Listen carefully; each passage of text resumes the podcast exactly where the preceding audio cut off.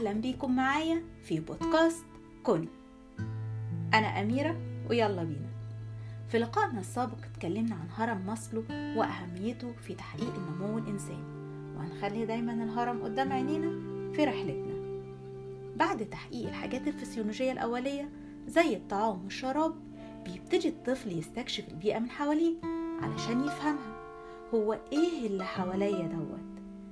هنا بيبتدي يتعلم يتعامل مع العالم من حواليه. والسؤال هنا كيف يحدث التعلم؟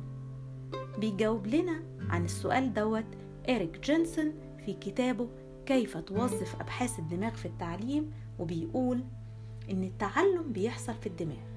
الدماغ هو المايسترو اللي بيعزف سيمفونية الجسم كله من أفكار وسلوكيات ومعتقدات وهو المسؤول عن التحكم في حركة الجسم. سواء كانت حركة إرادية أو غير إرادية وهو المسؤول عن الحواس. الخلاصة إن الدماغ هو مركز العمليات. طيب هو الدماغ ده هو المخ؟ الحقيقة لا.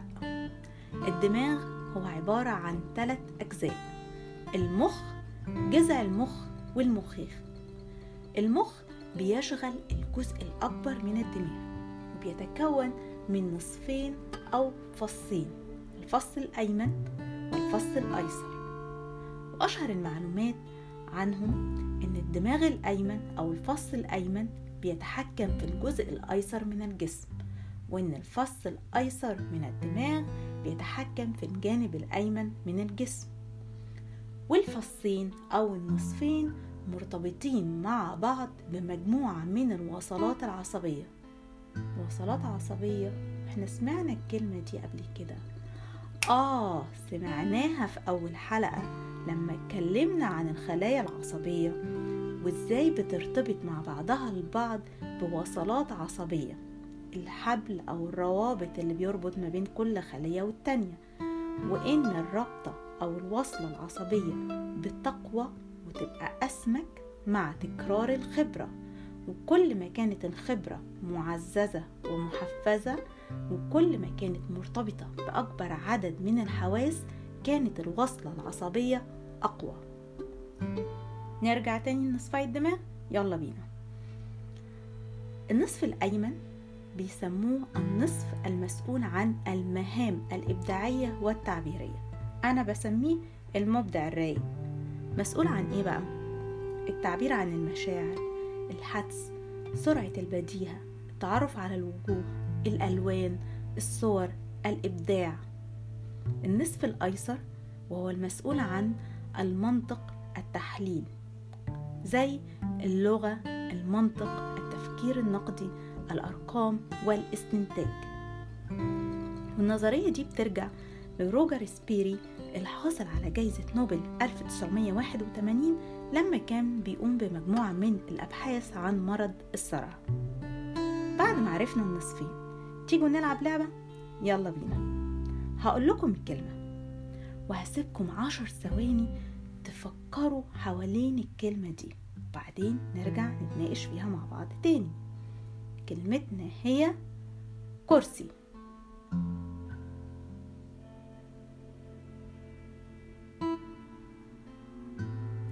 الوقت انتهى. يلا بينا. هنلاقي بعضنا فكر في كرسي مريح ظهره عالي ومسانده كده حلوة وجميلة.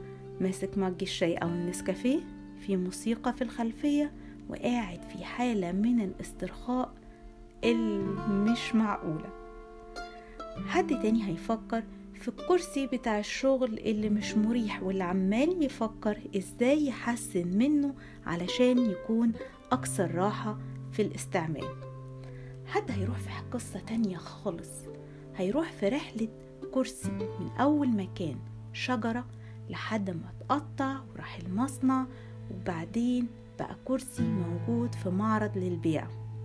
حد هيقول لا أنا هفتكر أو هفكر في كرسي موجود في بيت بيت عيلة بتمر بيه الأحداث بين طفل من أول ما كان بيستعمله الطفل يعني لحد ما الطفل ده كبر وبقى كهل أو عجوز.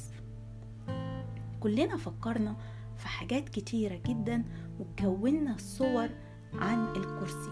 ورغم إن هي كلمة واحدة لكن استجابتنا واتجاهاتنا ناحية الكلمة كانت مختلفة ومتنوعة.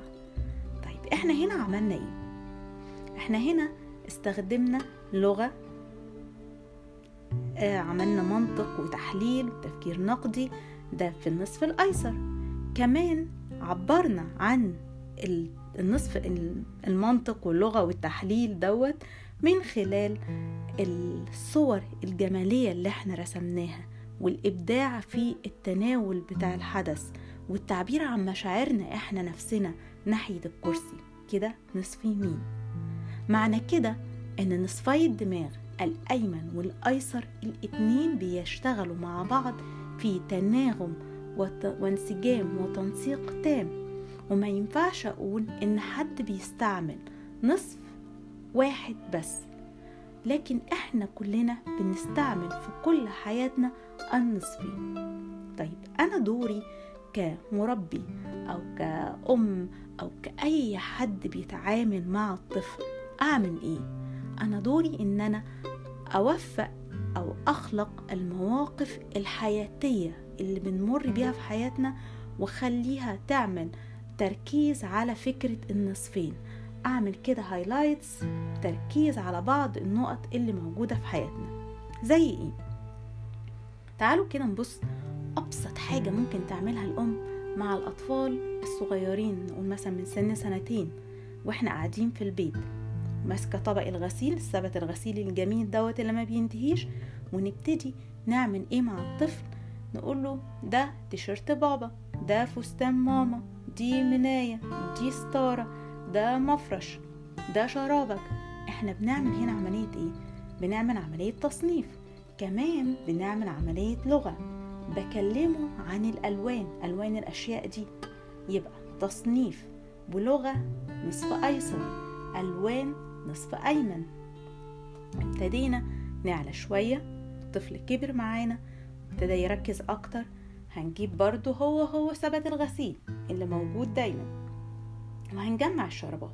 وهنحط شرابات قدامنا فرادي الشرابات في صف جنب بعضيهم. وهنعمل كومة أو هرم من الشرابات على جنب. وهنقول له آه إحنا عندنا مشكلة. كل شراب ضايع عن أخوه. ممكن تساعدنا علشان يوصل لأخوه؟ يا ترى الشراب الأبيض بتاع بابا فين أخوه علشان يبقوا مع بعض ويمسكوا في إيد بعض؟ ويبتدي يدور ونساعده ويجيب واحد ويحطه جنبيه. لا هو لا مش هو. ها هو دوت أول ما يوصل للشراب الصح يتجمعهم اتنين نهلل ونسقف ونزغرط ونعمل كل حاجة علشان نعزز الخبرة والنجاح اللي هو عمله. هو هنا عمل إيه؟ هنا هو استخدم تصنيف أو مزاوجة ما بين الفردتين الشراب وده في الرياضيات. كمان استخدمنا ألوان. زي الشراب الأبيض وده النصف الأيمن. بقى عنده مشاعر عبر عن مشاعره إن هو مبسوط بالإنجاز. الأول كان في حيرة بيدور ويفكر وبعدين ابتدى يعمل إنجاز. الإنجاز ده تم تعزيزه فهنا الوصلات بقت أقوى. الموضوع كله بيرتبط مع بعضه. طيب خلصنا قصة الشرابات. تعالوا نعمل حاجة تانية. كبر شوية الطفل وابتدينا نحكي قصص ونسأله تعمل إيه لو كنت مكان بطل القصة؟ أو إيه التصرف الصح والتصرف الغلط اللي هو عمله؟ هنا هو بيعمل تحليل وتفكير ناقد للقصة نصف أيسر لكن كمان بيعمل إبداع وتعبير عن المشاعر ناحية الموقف ده نصف أيمن. ممكن كمان أعرض له صورة صورة صماء. لموقف أو حدث ما وأقول له تفتكر هو إيه اللي في الصورة دي؟ أو إيه مشاعر القطة لما كانت في الصورة دي؟ أو القطة بتفكر في إيه؟ هيبتدي يعمل لغة يستخدم لغة وكمان يعبر عن مشاعر وإبداع وهيكون صور ذهنية لحوارات أصلا ممكن تكون مش موجودة في الصورة قدامنا. شايفين قد إيه الحاجات بسيطة؟ وإن هي ممكن تكون تكلفة صفرية. مفيش حاجة ما بتكلفناش حاجة. لكن هي فعليا بتعمل مزج ما بين نصفي الدماغ. خليني أختم معاكم لقائنا النهاردة بكلمة للدكتور أحمد خالد توفيق. إن حوادث الطفولة أشبه بالخدوش التي تترك على سطح لين من الأسمنت. سرعان ما يجف فلا تمحى الخدوش أبدا. إن كل عقدنا ونحن بالغون بدأت في طفولتنا. دمتم في رعاية الله وإلى اللقاء.